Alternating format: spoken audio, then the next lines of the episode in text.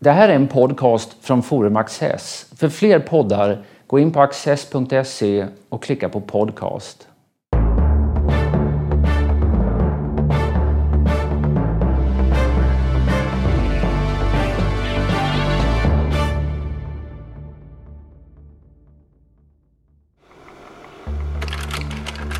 Konfucius var en vishetslärare, född 551 f.Kr. och mestadels verksam i staten Lu. Han gav råd till furstar och han samlade lärjungar kring sig.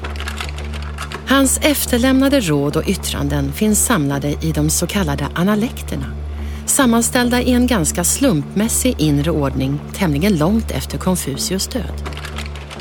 Råden och yttrandena är inte sällan konkreta och kan vid en första anblick te sig beskäftiga och platta, men öppnar sig vid reflektion till en livsfilosofi med djup och halt. Framför allt från och med Song-dynastin blev analekterna den viktigaste referenspunkten i kinesisk pedagogik och la inte minst grunden för ämbetsmannaexamination. Dess ställning i dylika avseenden är fortsatt stark. Lars Fredén, Sveriges ambassadör i Peking, samtalar med Peter Luttersson. Mencius har sagt att Konfucius är den visaste man som någonsin har levat. Är det ett påstående du skulle instämma i? Jag, jag tror inte Konfucius skulle ha uttryckt sig själv på det sättet. Han var aldrig säker. Han var aldrig tvärsäker på någonting och det är förresten ett av skälen till att jag tycker så mycket om honom. Hans syns... intellektuella stil är ödmjuk. Nej, det är en krävande lärare. Men han, eh, han var eh, ifrågasatt, ifrågasatte alltid sig själv. Eh, Mencius hade ett intresse att säga det eftersom Mencius eh, är ju en, den som tydligast följde i hans fotspår, tog upp hans tradition. Det är roligt att du nämner Mencius för de allra flesta människor vet ju inte att han fanns. Det ligger två generationer bort ifrån Konfucius. Och Mencius, det finns en skrift som heter Mencius. Jag har den här förresten i en gammal klassisk form. De där oerhört vackra ja, böckerna. det är väldigt vackert. Mencius är mycket längre än Konfucius och mycket tydligare. Kom, Konfucius, om man säger, han lämnar ju inga egna skrifter efter Nej, sig. Det gjorde han, inte han är en kringvandrande vis man som säger saker som blir nedtecknade i efterhand. Ja, sannolikt när lärjungarnas lärjungar började eh, tvivla på sitt minne. Och när befinner vi oss i tiden då? Då texten stabiliseras. Och det, där, det, finns, det kan man ge många svar på, men jag skulle säga riktigt säkert 150 efter vår tideräknings början. Dessförinnan fanns eh, Lunyu, som den här texten heter på kinesiska, alltså analekterna, fanns i flera varianter. Analekterna, den här texten som du säger, den, den um, Konfucius själv levde kring år 500 före Kristus. Ja. Och, um, för vår tideräknings början. Ja, jag noterar att du använder det. Jag är lite mer gammaldags, så jag äh, använder före Kristus. I de här sammanhangen säger jag. Annars Konfucius och Kristus är för övrigt en lyckad kombination, för de påminner ju om varandra. Ja. Det är personer som vandrar omkring, som omges med lärjungar, som säger saker som sedan äh, blir berättelser, som blir en bok som äh, har blivit läst och fått ett oerhört stort inflytande i två olika kulturkretsar. Precis. Och dessutom säger de ibland nästan samma sak. Den här gyllene regeln finns ju hos Konfucius i lite annan mm. utformning. Mm. Det brukar ofta, det är bra att du säger det, det brukar ofta påpekas att Jesus gyllene regel är att det ni vill att andra ska göra åt er, det ska ni, det ska ni göra åt dem. Eh, och den finns också hos Konfucius faktiskt, men, den, på två, men bara på ett ställe så vitt jag kan minnas. På två andra ställen står det det ni inte vill att andra ska göra till er, den ska ni inte göra. Och eh, jag är väl numera så pass präglad av den här texten att jag tycker att just den där inte-varianten tycker jag är mer sympatisk. Jag är inte, så, jag är inte riktigt... Eh, tycker det är inte oproblematiskt att folk har en egen föreställning om vad, vad jag vill och sedan, och sedan agerar därefter. Däremot vad man, vad man inte vill, det tycker jag man kan komma överens om. Behåll den där, vi återvänder till den. Men vi, vi tar det där med tid lite först. Att, eh, 500 före Kristus. Eh,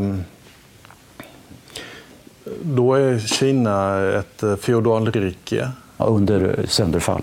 Under sönderfall, med en svag centralmakt. Ja, nästan icke-existerande.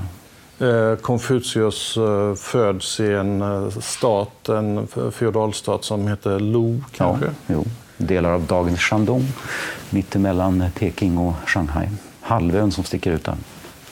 Just det. Och där finns det ett av de här, eller ja, det primära naturligtvis, av de stora Konfucius-templen i Kina. Ja. Just det, där finns hans, hans hem och hans äh, och ett tempel till honom och äh, inte minst ett jättestort gravområde. Mm. Hans grav och alla Konfucius alla Konfuciusättlingar som har liksom krånglat sig dit. så att säga. Eh, det finns förresten eh, ju många fortfarande som heter Kong idag i Kina. Jag träffar på dem en gång i veckan ungefär. De är nu framme i 80 eh, och 81 generationen.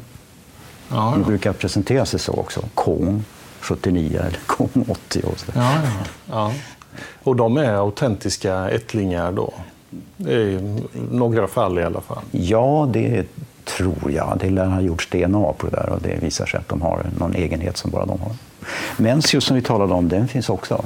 Den klanen är fortfarande också existerande på kinesiska Meng. Mm.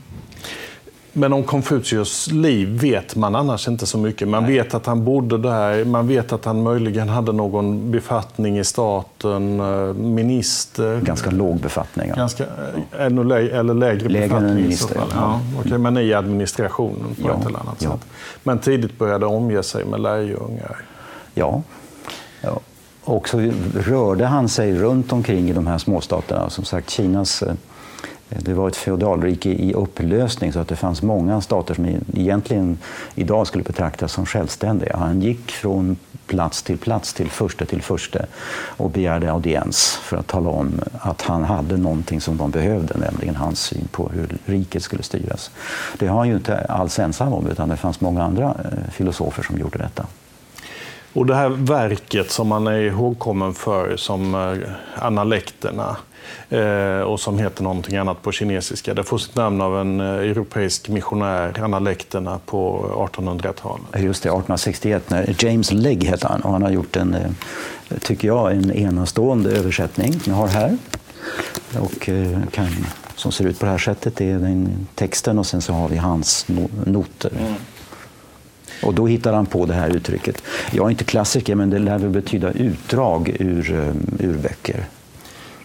Och det, det, eh, det, det, det, är det som är, är bevarat, så att säga. Och, och en sak det är ju att det, det, det tillkommer senare och det som är ihågkommet av vad han yttrade och sådär. Och sen så är det liksom inlagt lite huller om buller i den där boken. Huller om buller är verkligen rätt, eh, precis. Mm. Det, det här är ju inte filosofi alls i den meningen Eh, som man kanske man tänker sig Kant till exempel. Eh, postulat 1, 2 till därför eh, och, eh, och många, många andra av de klassiska filosoferna. Utan det, är en, och det är inte heller sammanhängande dialoger som hos Sokrates och Platon som är, som är, som är ganska långa och som rör ett, ett ämne. Utan det, det är, jag tycker att det är en kubistisk målning. Ja. Liksom, man, får, man får sätta ihop den där själv. Det är skärvor. Det är skärvor, ja. ja. Och det, det är, tycker jag är väldigt sympatiskt. På svenska finns den i en översättning av eh, Alf Henriksson som man har gjort tillsammans med en eh, kinesisk eh, medarbetare. Ja. Och um, där heter den Samtal med Konfucius. Samtalen med Samtalen Konfucius. Med ja, ja. Jag har läst den i natt. Jag tycker den är väldigt bra. Mm. Um, tyvärr är väl Henriksson som, och han kan inte riktigt tygla sin underfundighet. Mm. Eh, eh, men, eh, men det är få gånger som, han, som det blir så. Utan, men han fångar, han fångar väldigt väl, tycker jag, det isländska knappa språket i, i originalet. Och sen tycker jag att det är väldigt, väldigt sympatiskt att Henriksson till eh, skillnad från många andra översättare eh, ger eh, tackar och nämner den kinesiska hjälpredan som han mm. har haft. Som ju, utan denna Huang Zuyu så skulle det varit helt omöjligt. Och jag undrar vem Ezra Pound du gav mig honom. Han nämner ingen kines där, men det måste ju ha funnits någon. Ezra Pound eh, översatte ju också eh, analekterna eh, och där är ju bara Ezra Pound. Eh, han var väl egensinnig så att han inte samarbetade med någon. Pound kunde ju i någon mån kinesiska. Ja, men det verkar nästan omöjligt att han bland allt annat han gjorde skulle ha nått en sådan, en sådan höjd. Här börjar jag ta tillfället i akt och säga att den här texten kan inte läsas av moderna kineser. Inte skriven på klassisk kinesiska? Nej, precis. Så att, så att eh, när man läser nu för tiden när man läser eh, analekterna i Kina så har man eh, med sig en eh, eh fotnoter och en översättning till modern kinesiska. Det är precis som om man tänker gammal grekiska och modern grekiska. Att man eh, kan läsa de klassiska grekerna på modern grekiska istället. Tyvärr är jag inte grek. Så det, det, det, Men, det, men, men om vi ska karaktärisera verket lite så kan man säga att eh, Konfucius vandrar omkring, han har lärjungar med sig. Hur många de är kan det vara olika bud. Mencius nämner att det var ungefär 70. Ja, 72 brukar vara eh, Medan han som eh, kallas eh, på engelska i allmänhet för uh, The Grand Historian uh, säger att de var flera tusen. Ja.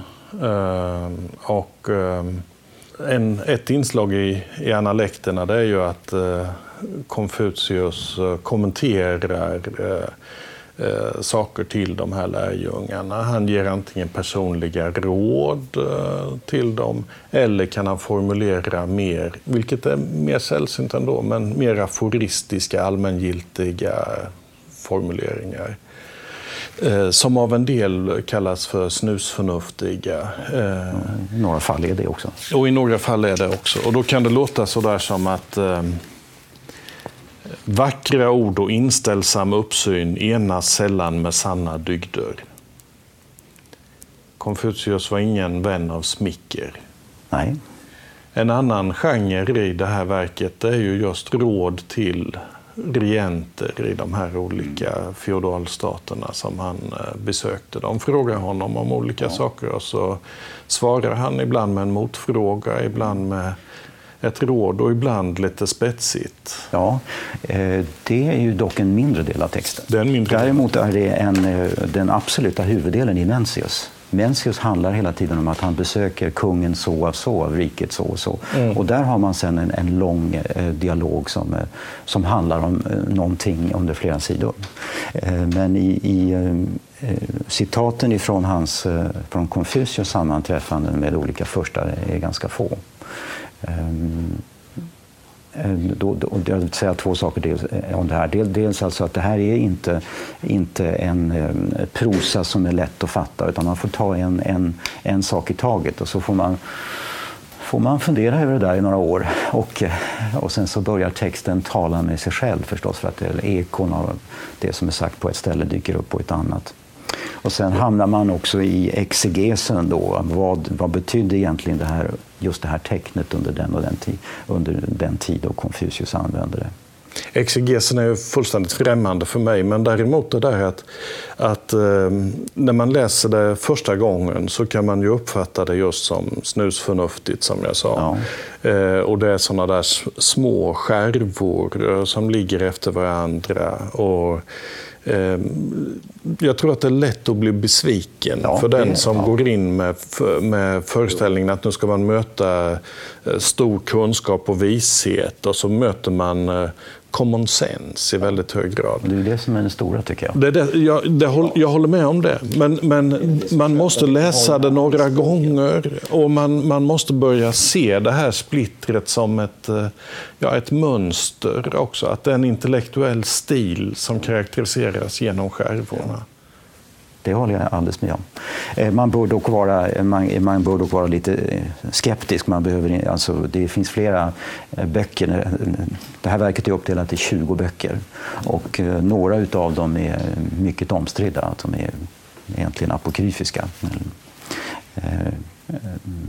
Jag har en sak jag skulle säga till där som gällde hans jo, just det, det här med att han ofta talar med första, och det bestred jag då ju alldeles nyss. Eh, däremot så pratar han mycket om vad man skulle säga till den första om man fick chansen. Mm. Eh, till, det säger han till sina lärjungar. Det, för mig är en utav, ett av skälen till att jag känner sån sympati för den här personen. Jag känner nästan som jag hade träffat honom. faktiskt. Som att jag, som att, att jag känner honom på något sätt. Mm. Um, Just därför att han ger så lite ifrån sig, att man får, att man får bygga bilden själv. Eh, det som gör honom så sympatisk är att han är en, eh, en studie i misslyckandet och hur man bär misslyckandet. Eh, därför att han hittade aldrig någon förste som ville lyssna till hans råd. Omsätta hans idéer. Som, Nej, omsättarens ja. idéer. Ja, just det. Han fick, eh, förutom det där du nämner i början av sitt liv, och en ganska låg post, så fick han aldrig ens försöka. Eh, så att han, hans filosofi handlar om dels hur staten ska ordnas, om man, om man får chansen att ordna den. Men det handlar också om hur man ska göra innan man får chansen. Eh, det vill säga, innan man får chansen så ska man studera. Man ska lära sig. Man ska tänka efter. Eh, och man kan under ett liv gå från att vara statstjänsteman till att sen när regimen byts ut så, så blir man lärd igen. Och sen så kanske man kallas in i tjänst. Det, det, är ju ett inslag i den där att han talar om eremitliv därför att eh, samtidens omständigheter påbjuder eremitliv. Han säger att det är vanärande att vara rik och, och och uppburen under en dålig regim. Likadant som det är vanärande att inte vara det under ja. en god regim. Ja, det är alldeles riktigt. Det är vanärande att vara uppburen under en regim som inte har, inte har dygden dö eller vägen dao. Men däremot är han, han faller inte för eremitismens frestelser. Det finns några berättelser i de sista kapitlen, som de sista fem kapitlen vars äkthet man alltså kan bestrida, mm. men som är ganska långa som du kanske kommer ihåg. Plötsligt blir det ganska långa berättelser på en sida eller så. Och där är det, har hans lärjungar träffat eremiter som säger till honom att eh, jag förstår att du, din lärare, din mästare är Kunzo. Mm. Eh, är det inte han som tror att man kan ändra världen? Och, eh, vad kunde vara löjligare än det? Jag gör som vi eremiter, liksom, var här bland fåglarna i naturen därför att ingenting tjänar någonting till. Och i en av de där berättelserna så blir en av Konfucius lärjungar mycket tagen av det och söker upp, stannar hos eremiten några dagar och söker sedan upp Konfucius och berättar hur, vilket intryck den här berättelsen har gjort. Och då står det att eh, mästaren suckar. Står det. det är mycket sparsamt förresten med såna här scenanvisningar om hur han, mm. han tittar, utan det är bara som sagt isländskt. Men här står det att han suckar och eh, säger att, eh, att människans plikt är att eh, försöka ändra världen. Eh, det, om man sen ska lyckas är en helt annan sak. Det är inte det som är, är tecknet på framgång utan det är själva strävan som är, är poängen. Det, annars, det är annars mycket, blir man inte en människa. Det är mycket explicit även tidigt det där att det är strävan som ja. har betydelse, inte målet ja, det, eller resultatet. Precis. Och ytterst är strävan ju en strävan att eh, göra sig själv bättre, att hela tiden bli en bättre människa och till eh, hans, vad ska jag säga, eh, hans principer för styrande, det handlar ju mycket om att försten själv ska lära sig att bli ett föredöme genom sin rättfärdighet. Och man ska inte fästa lagen för mycket på Ja, papper fanns inte, men man, eh, det var väl någon slags bambu man ristade in saker på. Utan genom sitt personliga exempel. Just det.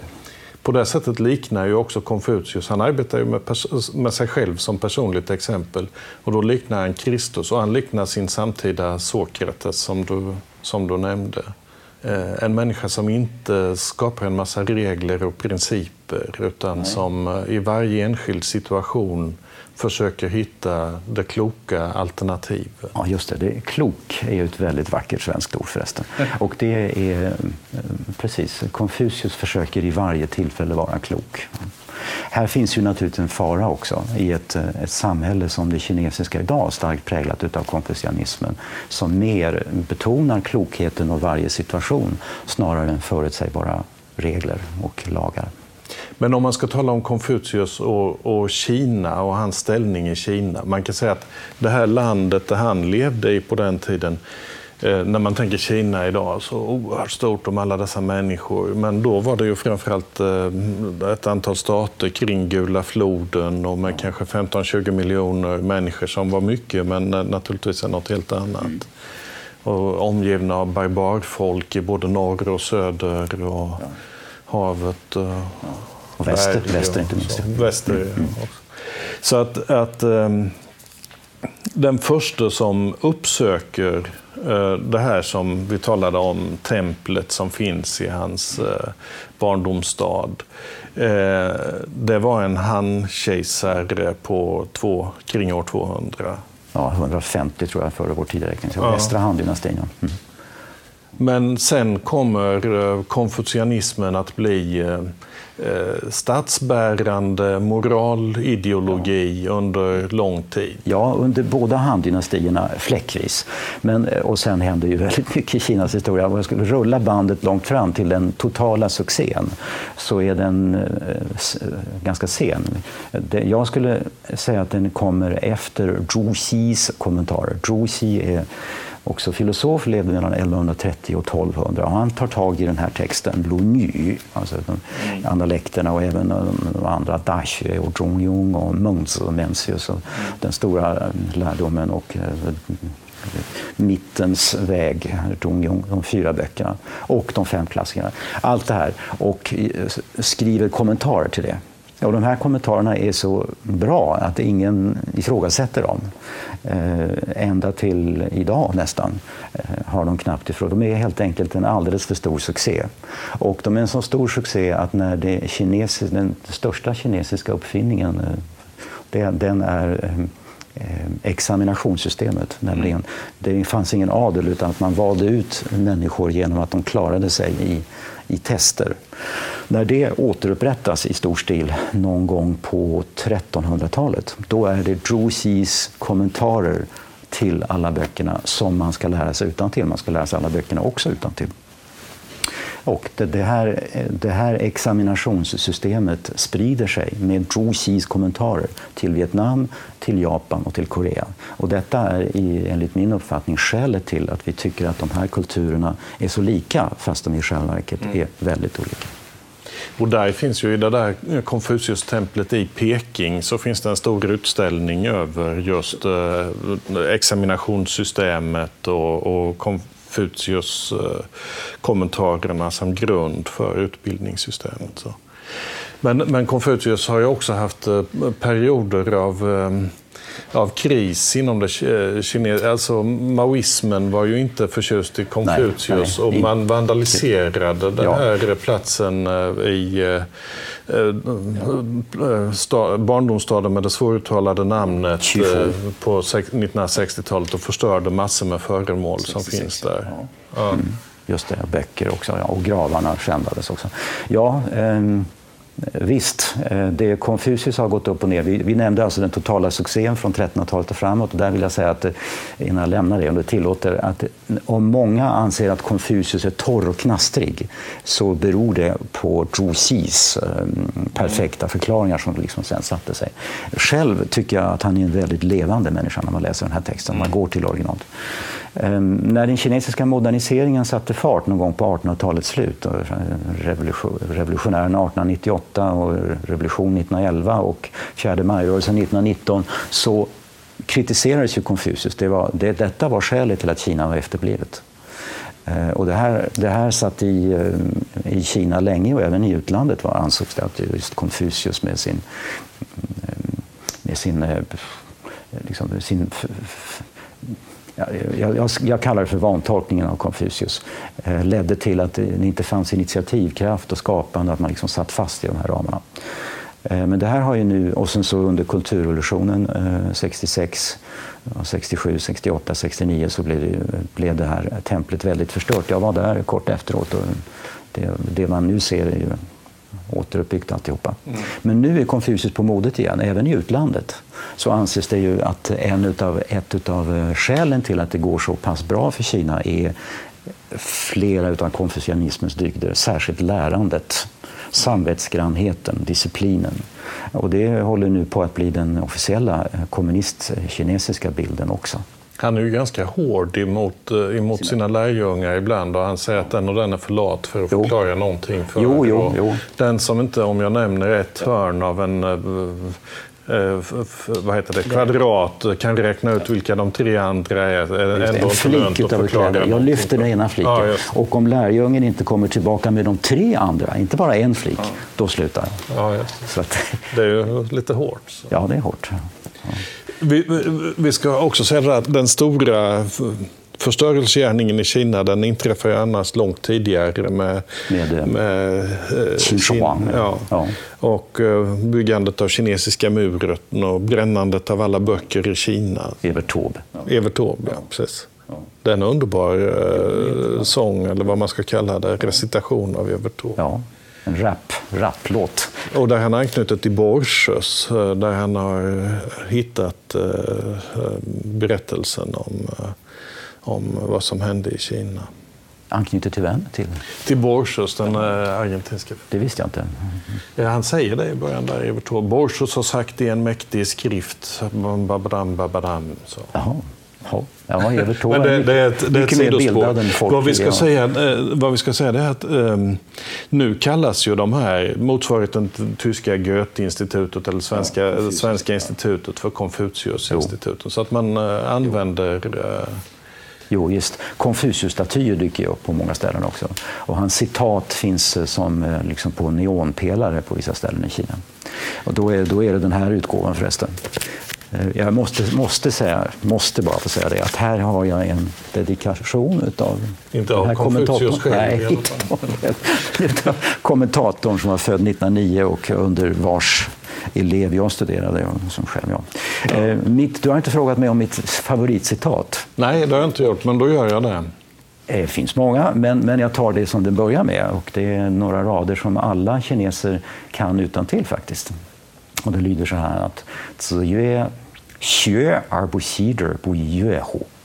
Eh, mästaren sade, det allra första som står här i, den här texten, Mästaren sade att lära sig och från tid till annan pröva det man lärt, observera det. Mm. Inte bara att lära, utan också liksom se hur det går. För att man ska inte bara hålla på med texter, utan man ska känna efter i livet. Är inte det en glädje?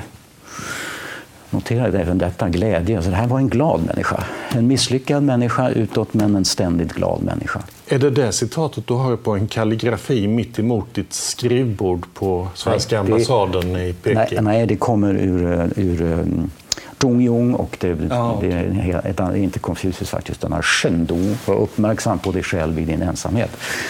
Um, den andra raden i det första kapitlet i den första boken lyder så här. Alltså, att Eh, Jo Peng Ziyuan Fan Lai Bo i Lehu. Vänner kommande från fjärran, är inte detta en, en, en lycka? Väldigt ofta citerat, står på kinesiska banketter och sådär. Mm. Bankettsalar. Just de där två raderna kan nästan alla kineser citera. Och, och eh, det är väldigt betecknande att det första tecknet efter Ziyue, mästaren sa det, är att lära sig xue. Och eh, inget annat är så betecknande för, för analekterna än detta, att studera, att lära sig. Det finns en enorm litteratur om vad det där egentligen betyder. Det, det finns en tredje rad i, den första, i det första avsnittet i den första boken som de flesta inte kan, men som jag tycker är fantastiskt. Och det är Renbuzhi Arbojun Bojidjunzeho. Eh, och det betyder eh, människor icke känna dina förtjänster, ändå icke bliva gramse. Är det inte tecknet på den fulländade mannen? Tänk så fort en halvtimme går, Lars. Jag tror att vi hade kunnat fortsätta en bra stund med det. Men det var väldigt roligt att höra vad du tyckte var höjdpunkterna. Och, eh, Det är väl värt att läsa Konfucius och det går att göra även på svenska. Ja. Tack ska du ha. Tack.